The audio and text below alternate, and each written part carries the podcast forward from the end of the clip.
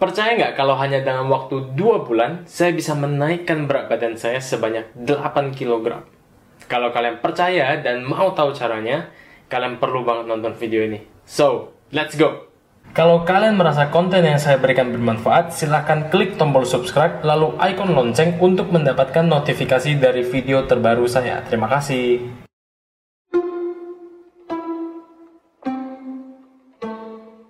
Pertama-tama, sebelum kalian melanjutkan nonton video ini, kalian harus tahu kalau tidak ada ramuan khusus, tidak ada rahasia turun-temurun dari nenek moyang, ataupun bubuk ajaib yang bisa membuat kalian naik berat badannya secara cepat. Pada dasarnya semua jenis diet mau itu menurunkan berat badan atau menaikkan berat badan itu tergantung pada kalori.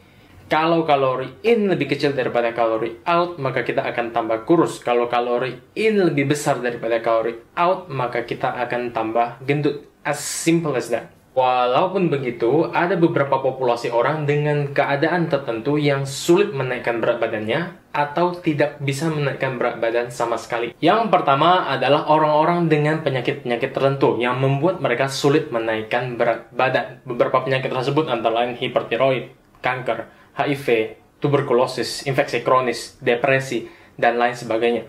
Jadi sebelum kalian memulai sebuah program diet tertentu, mau itu menguruskan atau menggendutkan badan kalian, kalian harus periksa dulu ke dokter dan pastikan kalian tidak memiliki sebuah penyakit tertentu.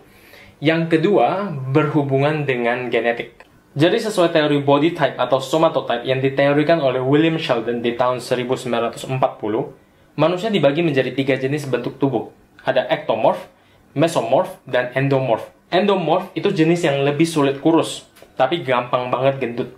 Mesomorph itu jenis yang berada di tengah-tengah, dan hampir selalu memiliki bentuk badan yang ideal. Sedangkan ectomorph itu jenis yang sulit banget mau gendut, tapi lebih gampang kurus. Jadi kalau kalian termasuk dalam jenis tubuh ectomorph, maka akan lebih sulit menaikkan berat badan.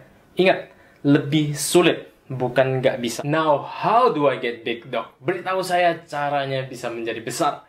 Oke, okay, here is how. Pertama, cari dulu kalori maintenance kalian. Jadi kalian harus tahu TDE kalian Total Daily Energy Expenditure yang sudah pernah saya bahas di video-video sebelumnya. Jadi setelah kalian mendapatkan TDE ini, kalian baru bisa memulai sebuah program diet. Bagaimana cara mendapatkan TDE? Ya, cari di Google, kalau nggak mau ribet, udah banyak kalkulator TDE di sana.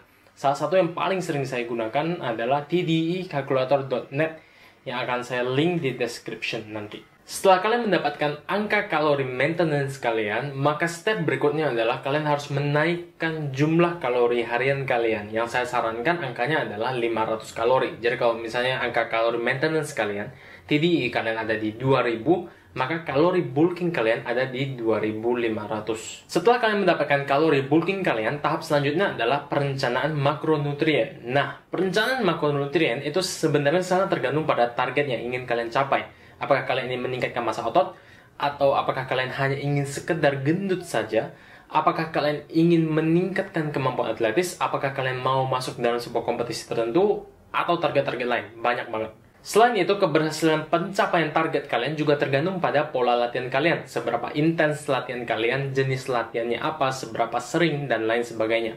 Jadi pembagian makronutrien yang akan saya contohkan nanti sangat digeneralisir dan ditujukan untuk populasi umum yang ingin gendut saja. Jadi kalau misalnya kalian punya target lain seperti ingin meningkatkan massa otot dan lain-lain, pembagian makronutriennya berbeda dengan apa yang akan saya tulis nanti.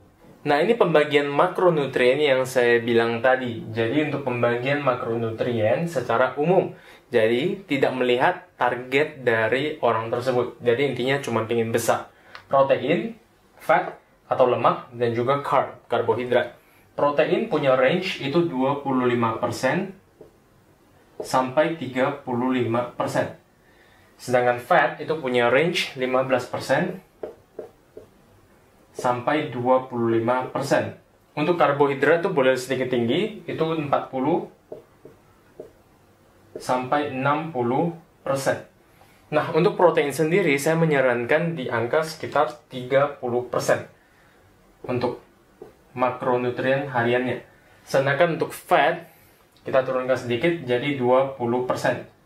Sisanya dari karbohidrat yaitu 50%. Setelah kita mendapatkan angka tersebut, 30%, 20%, dan 50%, maka hal yang berikutnya yang kita lakukan adalah mengalihkan ini ke kalori bulking kita. Kalori bulking kita berapa? Kalori bulking kita tadi misalkan di angka 2500. Nah, 30% dari 2500 adalah 750 kilokalori. 750 kilokalori kita bagi 4 karena 1 gram karbohidrat itu sama dengan 4 kilokalori. Jadi 750 bagi 4 itu sama dengan kurang lebih 187 gram protein. Sedangkan fat, fatnya ada berapa? 20%. Jadi dari 20% kita kalikan 2500 menjadi hanya 500 kilo kalori. 500 kilokalori kita bagi dengan 9 karena 1 gram fat, 1 gram lemak itu sama dengan 9 kilokalori. 500 bagi 9 sama dengan kurang lebih 55 gram. Sedangkan karbohidratnya itu 50% dari 2500. Jadi 1250 kilokalori. Bagi 4 sama dengan protein sama dengan 300 12 gram. Setelah kita mendapatkan angka tersebut, 187 gram protein, 55 gram lemak, dan 312 gram karbohidrat, kita bisa memasukkan angka-angka tersebut ke dalam sebuah meal plan. Jadi kalian bisa membuat meal plan berdasarkan angka tersebut, itu yang bisa saya lakukan untuk klien-klien saya di awal terutama sebelum mereka bisa melakukan flexible dieting atau intuitive eating. Atau kalau misalnya kalian nggak mau meal plan, opsi kedua adalah menggunakan calorie counter. Calorie counter udah banyak banget apps-nya. Jadi kalian bisa memakai misalnya, contohnya Fat Secret atau MyFitnessPal. Selain mengetahui jumlah makronutrien yang harus kalian makan setiap harinya, kalian juga harus memvariasikan jenis makronutrien tersebut. Jadi misalnya untuk protein, tidak tiap hari kalian makan dada ayam terus atau tahu tempe terus masih ada banyak sumber protein lain yang bisa memenuhi kebutuhan makronutrien harian kalian. Jangan lupa juga dengan sayur-sayuran dan buah-buahan untuk memenuhi kebutuhan mikronutrien dan serat kalian. Satu harinya minimal kalian makan 2 sampai 3 serving satu serving itu berapa sih? Satu serving untuk laki-laki itu dua kepal tangan. Sedangkan untuk perempuan, satu servingnya itu satu kepal tangan. Tapi kalau misalnya kalian bisa makan lebih dari itu, that's even better. Nah, selain dari segi nutrisi, yang perlu kalian perhatikan juga adalah pola latihan kalian. Jadi, kalau kalian ingin meningkatkan masa otot, latihan yang saya sarankan adalah latihan angkat beban. Karena dengan latihan angkat beban, dengan kalori tambahan yang ada, kalian akan lebih mudah meningkatkan masa otot kalian. Jadi, nggak cuma nimbun lemak. Kalau kalian nggak suka latihan angkat beban, latihan lain yang bisa saya sarankan adalah latihan dengan menggunakan berat badan kalian sendiri. Jadi body weight training atau calisthenic. Jadi selain nutrisi dan olahraga, kalian juga perlu memperhatikan waktu istirahat kalian. Jadi setiap malamnya tidur minimal 7-10 jam tanpa terganggu. Karena kalau kalian ingin meningkatkan masa otot, ingin menguruskan badan, ingin meningkatkan berat badan saja, tanpa tidur yang cukup, tubuh kalian tidak akan mendapatkan waktu istirahat yang cukup untuk memperbaiki sel-sel yang ada di dalam dirinya. That's it for today's video. Saya harap bermanfaat untuk kalian dan kalau kalian masih punya pertanyaan seputar topik ini, kalian bisa tanyakan di comment section di bawah. Atau kalau kalian punya pertanyaan lain atau topik yang ingin saya bahas di kesempatan selanjutnya, you can also put it down below in the comment section. Thank you for watching. See you again next time. Bye.